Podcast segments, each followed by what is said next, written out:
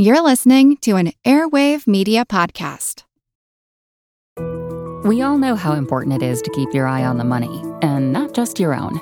Stay on top of the latest financial and market news with Yahoo Finance, a podcast that releases new episodes almost every day. You'll hear a brief overview of the biggest news in the financial world, all in three minutes or less, right after markets close. Check out Yahoo Finance wherever you get your podcasts. That's Yahoo Finance wherever you get your podcasts. This is Kick Ass News. I'm Ben Mathis.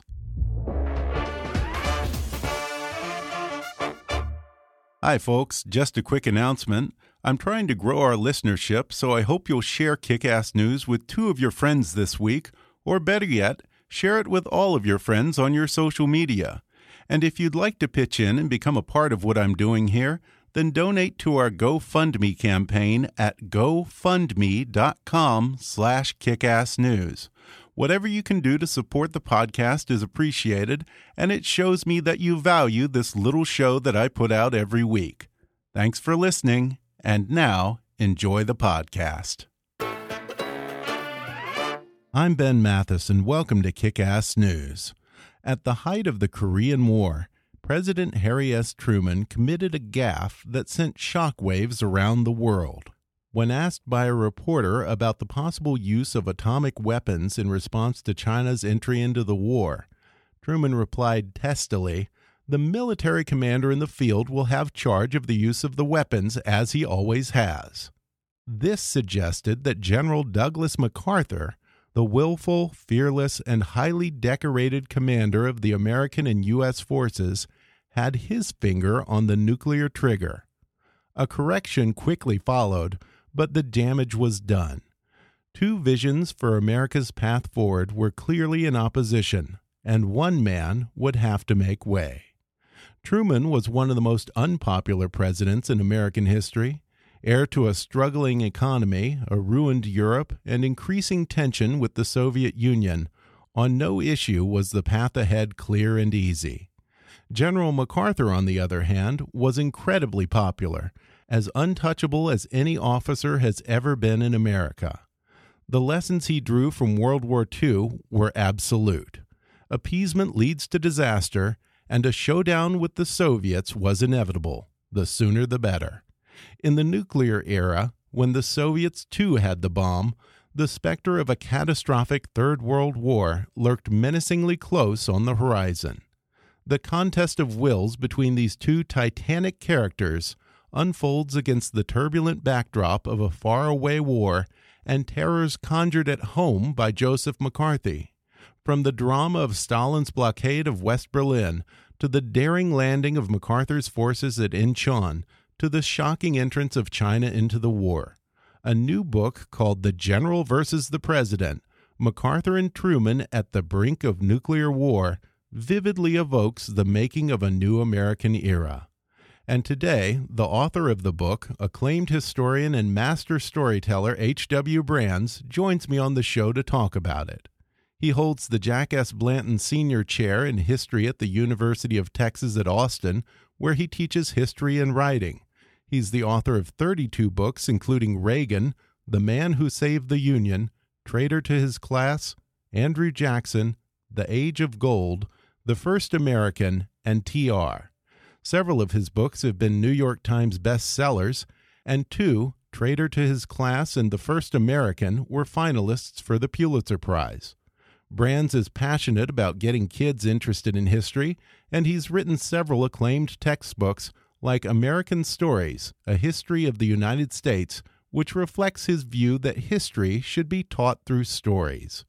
You'll also recognize him from his frequent appearances in documentaries for the History Channel including the miniseries The Presidents, 10 Days That Unexpectedly Changed America, America, the Story of Us, and The Men Who Built America. And on top of all that, for the past four years, he's been writing a history of the United States in haiku form and publishing it on Twitter. Today, he's coming on the show to talk about one of the all time great rivalries in history between President Harry S. Truman and the man with the corncob pipe, General Douglas MacArthur. H.W. Brands will reveal how woefully unprepared the U.S. military was after World War II, just how close America got to nuclear war with China and the Soviets, and the significance of the Korean War as the first real test of the newly formed United Nations. He'll discuss why taking a stand in the Korean Peninsula was important to Truman and why he wanted MacArthur to win, but not win too much.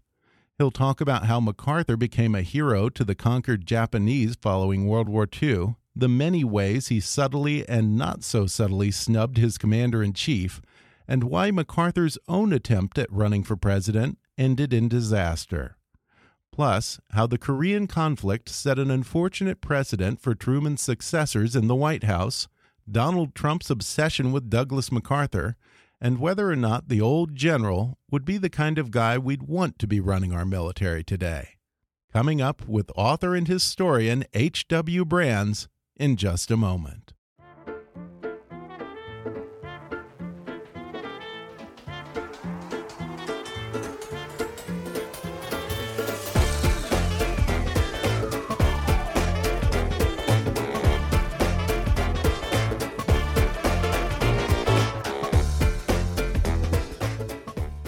Today I'm talking with historian and master storyteller H.W. Brands.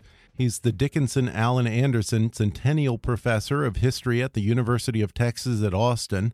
He's the author of 32 books, including Andrew Jackson, The Age of Gold, and TR, as well as Traitor to His Class and The First American, which were both finalists for the Pulitzer Prize.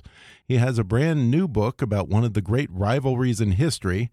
It's called The General versus the President MacArthur and Truman at the brink of nuclear war. H.W. Brands, thanks for joining me over the phone. Delighted to be with you, Ben.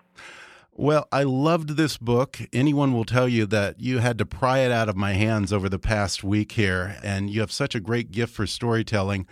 Um, first, set the scene for us. What were Truman and MacArthur's standing in the world in 1950? So, when the Korean War began in June of 1950, Douglas MacArthur was perhaps the most celebrated of American military heroes. He had covered himself with valor and medals in World War I, in World War II. In World War II, he had been the supreme commander of Allied forces in the Southwestern Pacific. He had been the one most responsible for the American victory over Japan. He, after the war, was appointed to head up the American occupation of Japan. And in that position, he became a de facto emperor and he did something that, as far as I can tell, no one else in human history has ever done.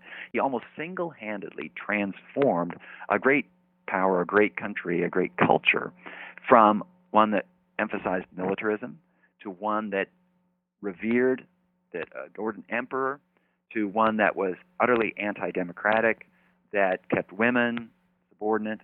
He modernized it, he liberalized it, and he did this all in a way that made the Japanese people revere him. They had revered the emperor before, they revered MacArthur. It was a brilliant action of administration. No one, certainly no American, had ever done anything like it.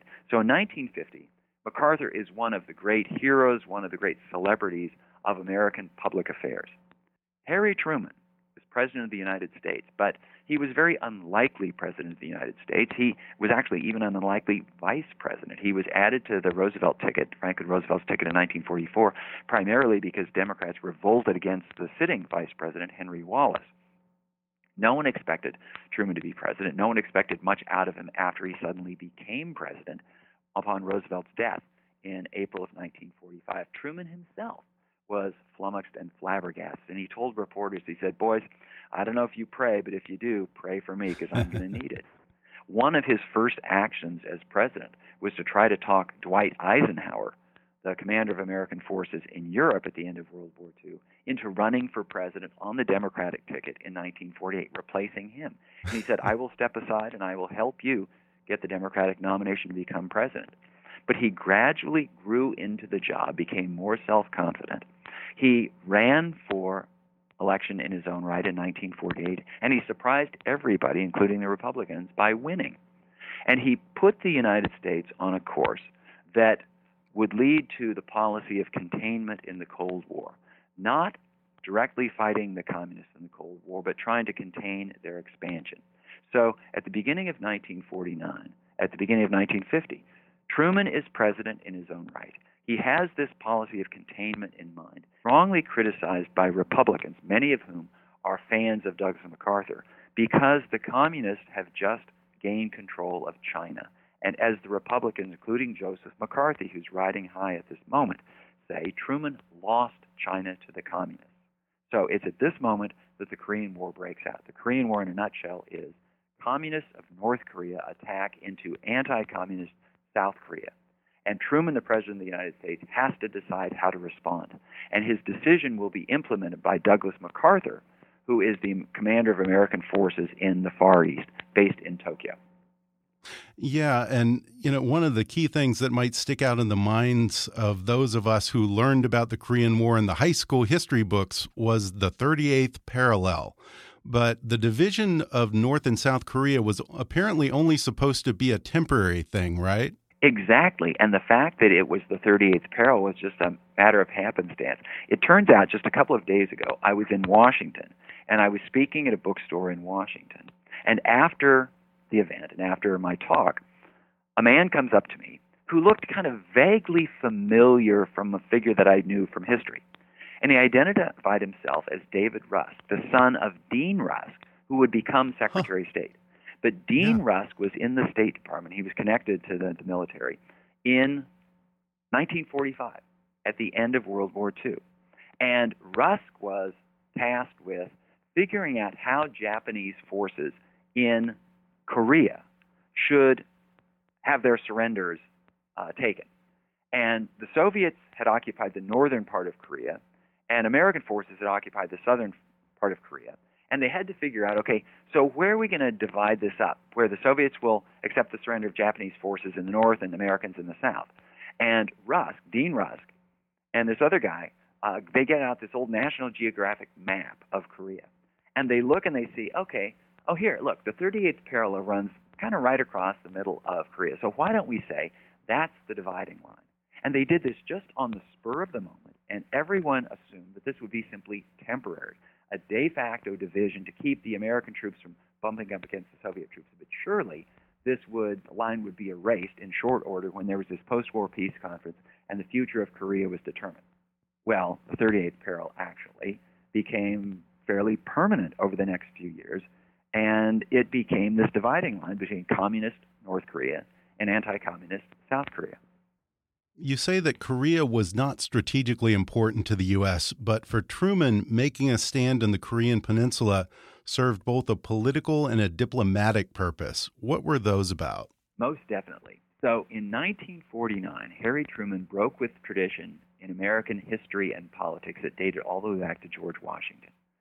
Truman signed the North Atlantic Treaty, America's first peacetime alliance. And the essence of that alliance, and any alliance, is the credibility of America's promise.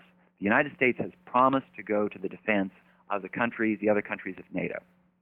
Truman has also said in what came to be called the Truman Doctrine that the United States would defend countries that were challenged by communist infiltration or aggression.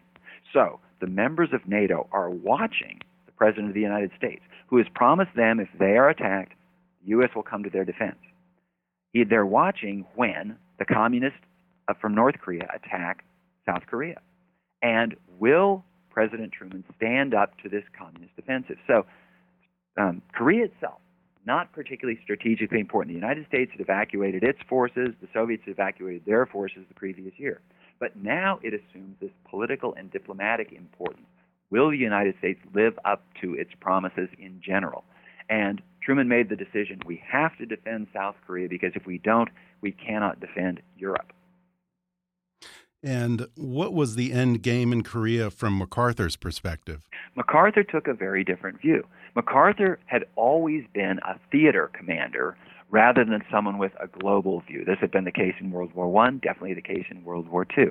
And he suffered from I guess also say benefited from, um, something that tends to influence theater commanders. They tend to think that their theater is the most important theater of the world. And MacArthur was notorious for this during World War II. He would constantly harangue and harass Washington to say, we need more resources in the Pacific. Quit sending so many troops and so many supplies to Europe, because the Pacific is the important place. Well, when he is in Korea, when he's in East Asia, he begins that this he begins to think that this is where Cold War will be won or lost. MacArthur was also from that old school of the military that believed that peace is peace and war is war. And if you're going to go to war, go to war all out. Harry Truman wanted to keep World War III from breaking out. Douglas MacArthur believed that World War III had already begun and it was being fought in Asia, starting in Korea. Was America's military in any position to fight a third world war at that point? This was a very delicate issue. And neither MacArthur nor the President of the United States nor his administration were fully leveling with the American people for the very good reason that they didn't want to tip their hand to the Soviets. The United States in 1945, most Americans expected that the country would demobilize as it, as it had after every previous war. There were 16 right. Million Americans under arms at the end of the war, and they all wanted to go home. They didn't want to stick around in the military. And there was this expectation. But then, and in fact, the mobilization largely took place. Nearly all of the troops were mustered out. They went back to their civilian occupations. But then the Cold War developed, and the United States found itself in competition with the Soviet Union. The Soviet Union never demobilized, so it always had this large army. And the United States began to build up its army once again. But it was an unpopular thing to do because Americans who had served during World War II, we did our turn. We don't want to go back into war. You know, mm-hmm. and there's not a war going on, so why should you have us in the military? So it was very difficult and a painstaking process for the United States to rebuild its military. Now, one thing it did have in its advantage was it had the atom bomb at a time when right. nobody else did. But then, in 1949, the Soviets developed the atom bomb. And so, the United States from 45 to 49 had been thinking, okay, if war breaks out in Europe, we don't have as many troops and as many tanks as the Soviets do, but we do have the atom bomb. And so that will stop them. But as of 1949, the Soviets had the atom bomb. And so the United States found itself in 1950 not in a position to take the Soviets on in a major war because the Soviets could neutralize America's nuclear uh, nuclear advantage, and the United States could not match the Soviets' advantage of conventional weapons. MacArthur refused to believe that this was decisive. MacArthur thought that okay, if we expand the war in East Asia, if we go after China, that's not going to bring the Soviets into war against the United States. Truman said, I cannot take that risk. We might go to war against China in Asia, but the Soviets might very well take the opportunity to attack us in Europe, and we do not have the troops to fight. Not now. Truman began a big, rapid buildup of American military force, and he's saying, we have to at least delay this confrontation with the Soviets till 1953 or so. Then we might be able to hold them off. There's another angle here, and that is Truman was the only man in world history, he remains the only man in world history, to have ordered the use of nuclear weapons during wartime against Japan in 1945. So he bore this special responsibility. It was one thing for Douglas MacArthur to recommend policies that might lead to the use of nuclear weapons. But Truman was the one who was going to have to give the order. He had done it once before. And though he said he never lost any sleep over it, he didn't certainly lightly want to do it again.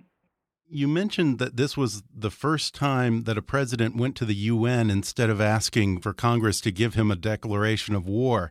Was this in some ways the first real test of the United Nations? It was, and it was a matter of dumb luck that the United States was able to get the United Nations on its side. The luck was that the Soviet delegate to the Security Council was boycotting the meetings of the Security Council in protest of America's refusal to accept the seating of the delegate from the new communist government of China. The Security Council is the one that makes the really substantive decisions. And on the Security Council, the five charter members, including the United States and the Soviet Union, have veto power. So every other thing that the United States wanted to do until then could be vetoed by the Soviet Union and often was. But the Soviet delegate was missing that day. And he couldn't, he wasn't there, so he couldn't veto.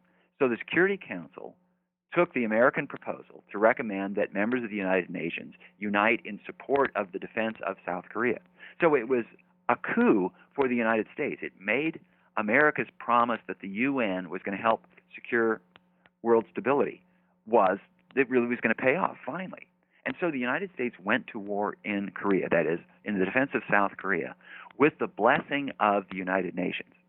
The Soviet delegate quickly returned to UN headquarters and was able to veto any other decisions by the Security Council, but this one authorizing resolution was the one under which the war was fought. And so Truman is able to say, the UN is on our side. Our bet on the United Nations is paying off. Furthermore, Douglas MacArthur was not simply the American commander in South Korea, he was the United Nations commander in South Korea. Yeah, and what were his explicit orders?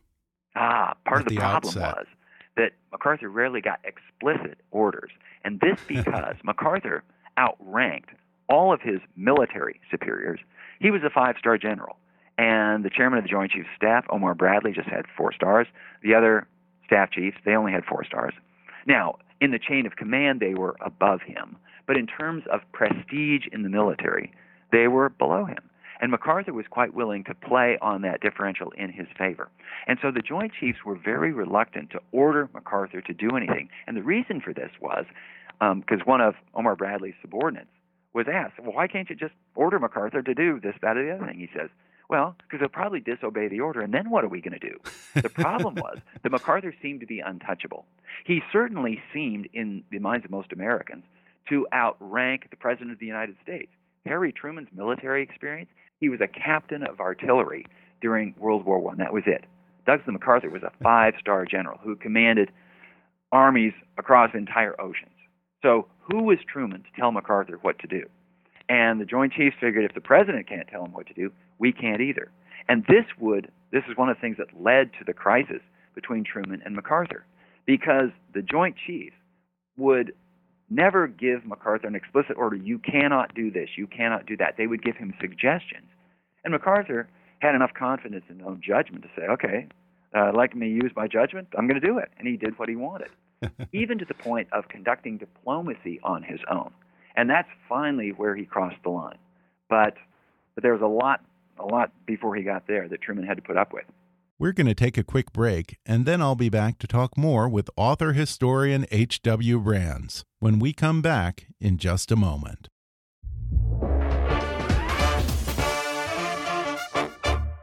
If you're enjoying my conversation with H.W. Brands, you should check out The General versus the President MacArthur and Truman at the Brink of Nuclear War by my guest today, best selling author H.W. Brands.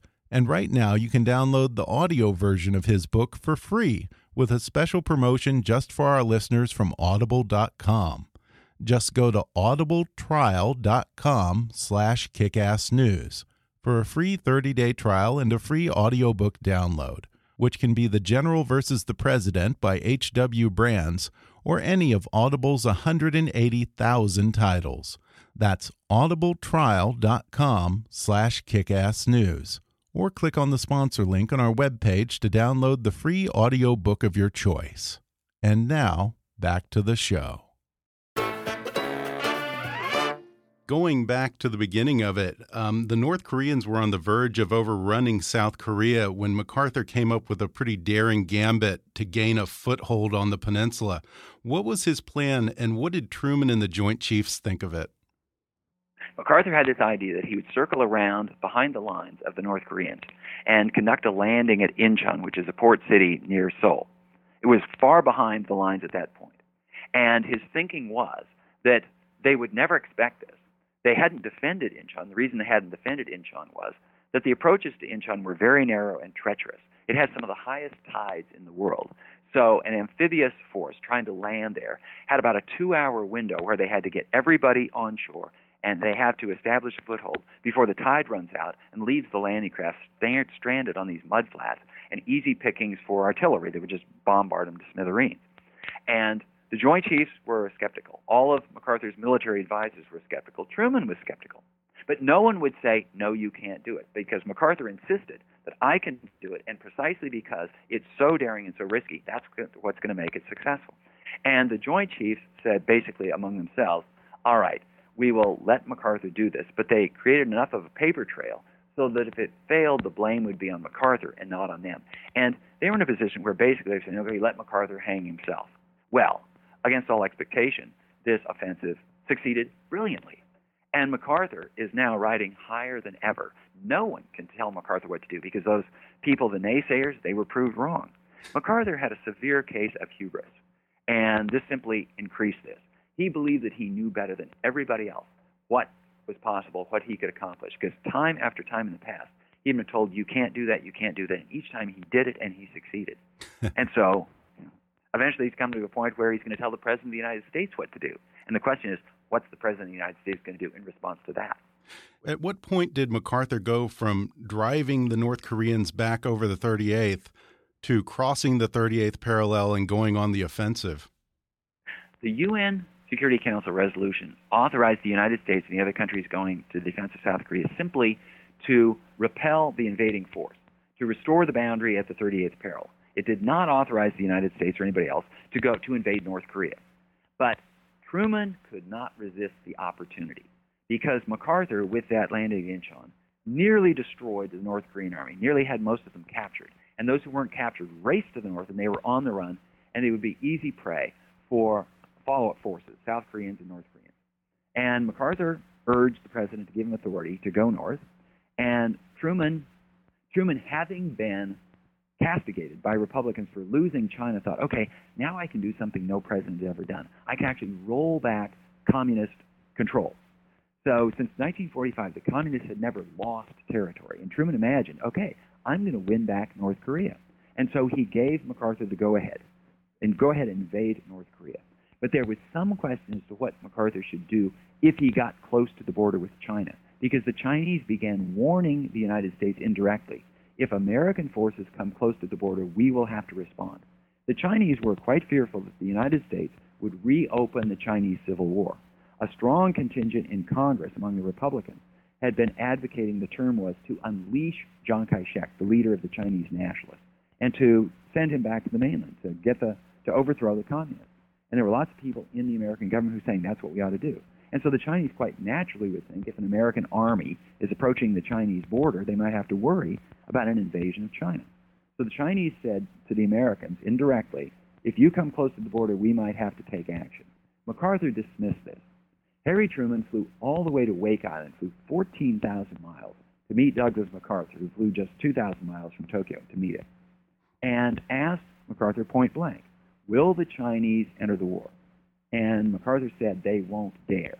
And if they do, they will be annihilated. So Truman, thinking MacArthur presumably knew what he was talking about, went home reassured. MacArthur was never given explicit orders to keep American troops away from the border. There was a suggestion, a directive as a matter of policy, as the phrasing went from the Joint Chiefs, to use South Korean troops up in the border regions rather than American troops. Well, a mere suggestion was not enough to deter MacArthur, so MacArthur sent American troops right up to the border. The Chinese responded as they had warned they would. They infiltrated 250,000 troops into North Korea when they launched a surprise attack on MacArthur and manhandled American and South Korean forces and forced the Americans to, to fall back. It was the critical moment of the war. And it looked as though all the gains that had been made since the Incheon landing would be undone. American forces had to basically they raced back toward the 38th parallel and were pushed back into South Korea. It's at this point when Truman, when excuse me, when MacArthur most clearly and loudly agitates for permission to take the war directly to China, using nuclear weapons if necessary. And he goes increasingly public with his criticism of the President of the United States, his commander in chief, for refusing to allow him to do that. And was that the straw that broke the camel's back? What was it that did it for Truman where he decided that MacArthur had to go? It was a series of events that build up that built up to a climax. MacArthur repeatedly said, "We need to bring the Chinese nationalists into this war." And Truman had said, "We're not bringing the Chinese nationalists in. We want to keep the Korean issue separate from uh, relations with China. So shut up about the Chinese nationalists." He had agitated for the right to bomb into China from air bases in Japan and in South Korea. And Truman said, There's no bombing of China, so shut up about that. And then the, the, the final straw was when a leader of Republicans in the House of Representatives, Joseph Martin, who was the Republican leader there, gave this rip roaring speech tearing into Truman for insufficient attention to American security, for subverting the Constitution. It was a very bitterly partisan campaign speech.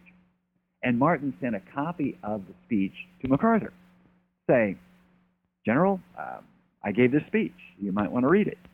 And MacArthur writes back, congratulating Martin on his statesmanship, on his insight into policy, in what is seen as an obvious endorsement of this bitter attack on Truman.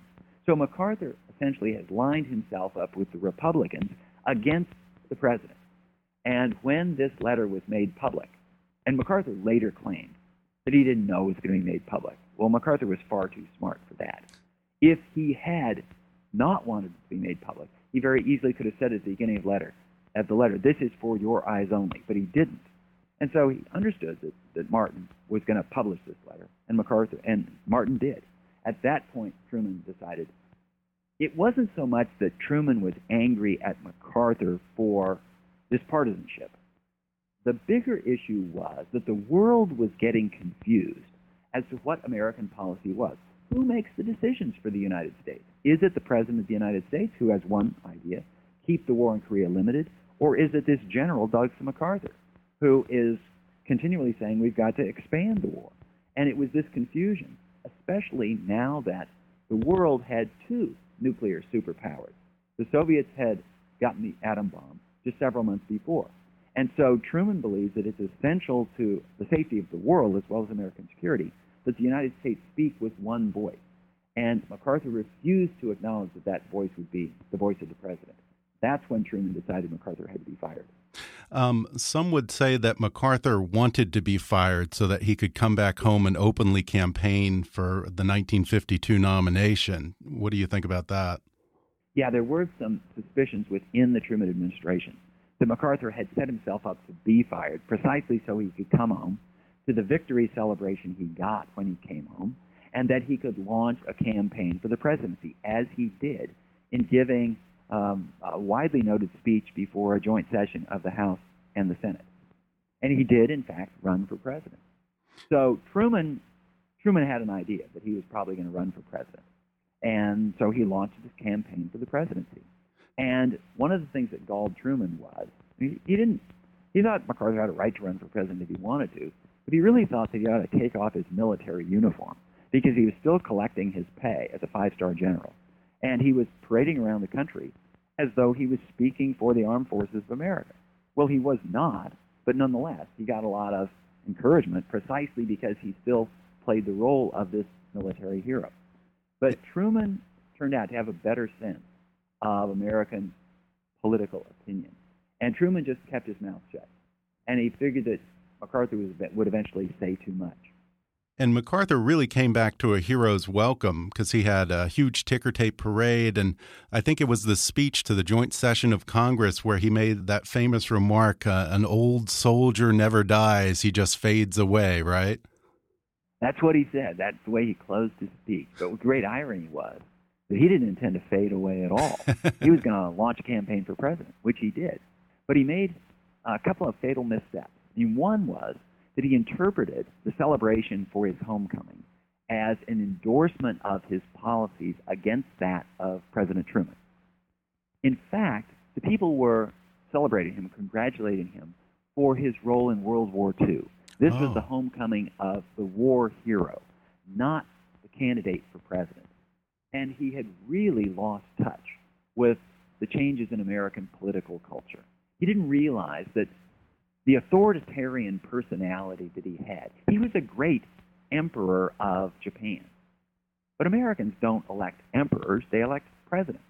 And what he didn't, didn't realize that was that there was this other general, another World War II hero, who did have a much better sense of the American political culture, had a much defter common touch, who was going to run for president, and that was Dwight Eisenhower.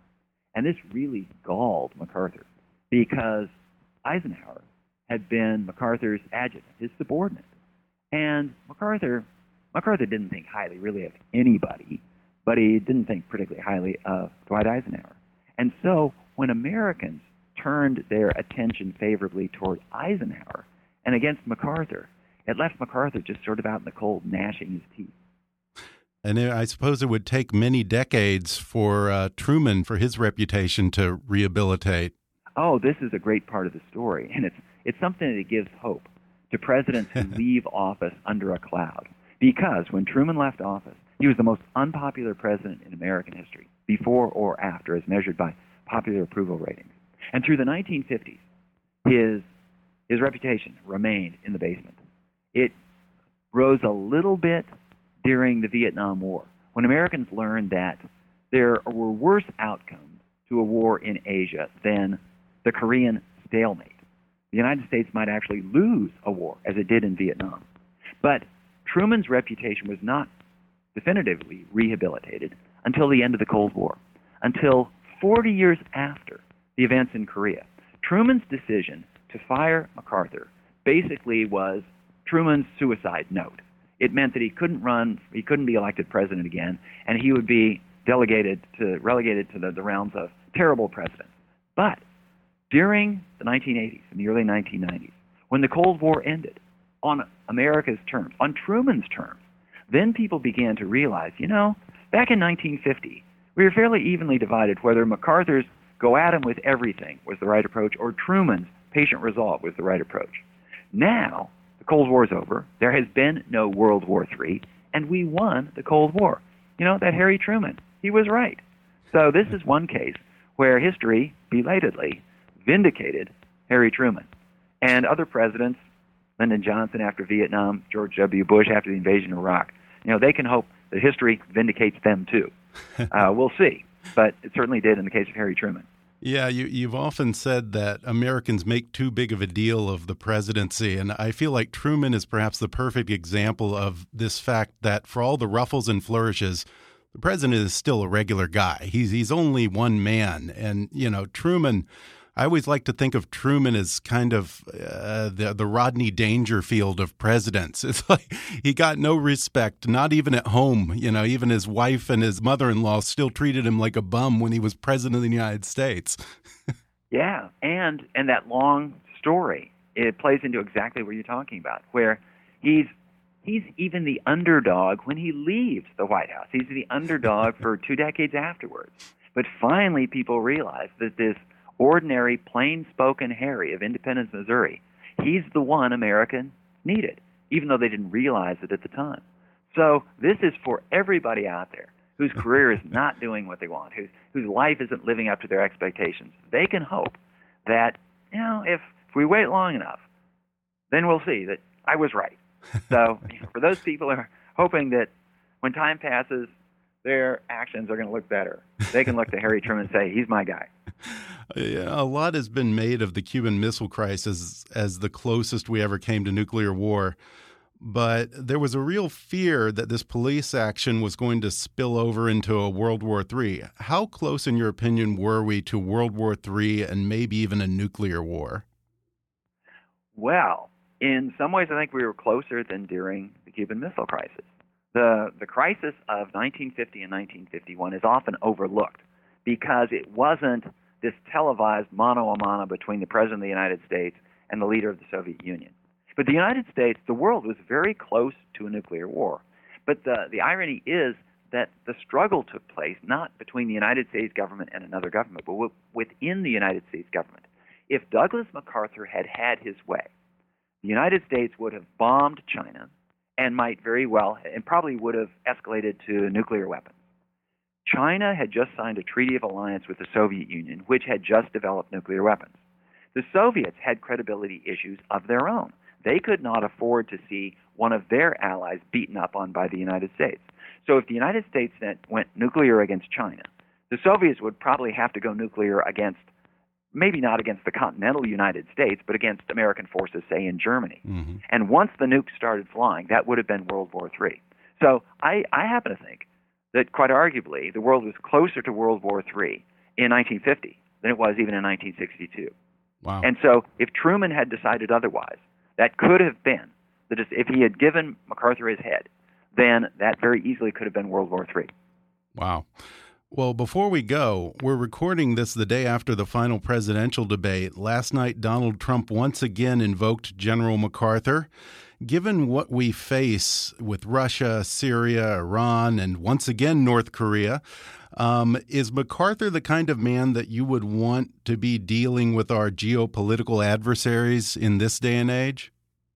I certainly want, would not want him. but the lasting appeal of Douglas MacArthur lies in a statement that he made that in war there is no substitute for victory.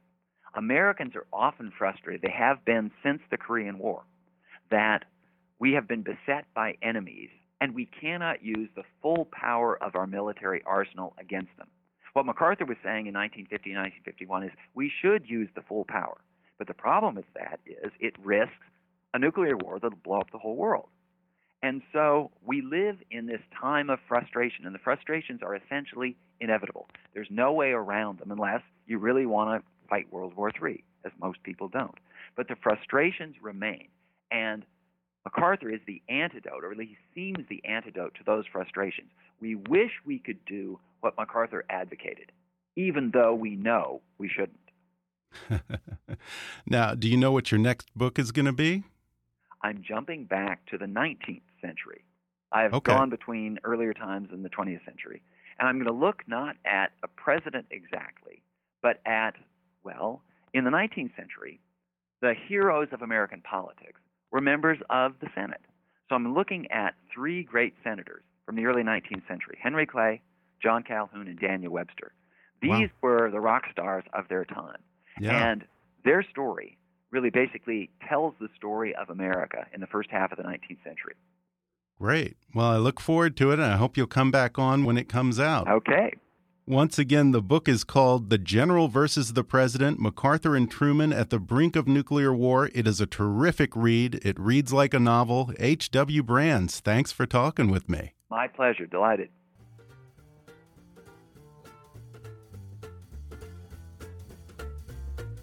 Thanks again to H.W. Brands for joining me on the podcast. If you enjoyed today's show, then you can order his book, The General versus the President MacArthur and Truman at the Brink of Nuclear War. It's available on Amazon, or you can download the audio version of his book for free through that special trial offer just for our listeners at audibletrial.com slash kickassnews. Keep up with H.W. Brands on his website at hwbrands.com and follow him on Twitter at, at hwbrands. Be sure to subscribe to Kickass News on iTunes and leave us a review while you're there. You can visit Kickass News on Facebook or follow us on Twitter at, at KAPolitics. And please be sure to recommend Kickass News to your friends on your social media. And if you really want to help out, then donate to our GoFundMe campaign at gofundme.com slash kickassnews. As always, I welcome your comments, questions, and suggestions at comments at kickassnews.com. For now, though, I'm Ben Mathis, and thanks for listening to Kickass News.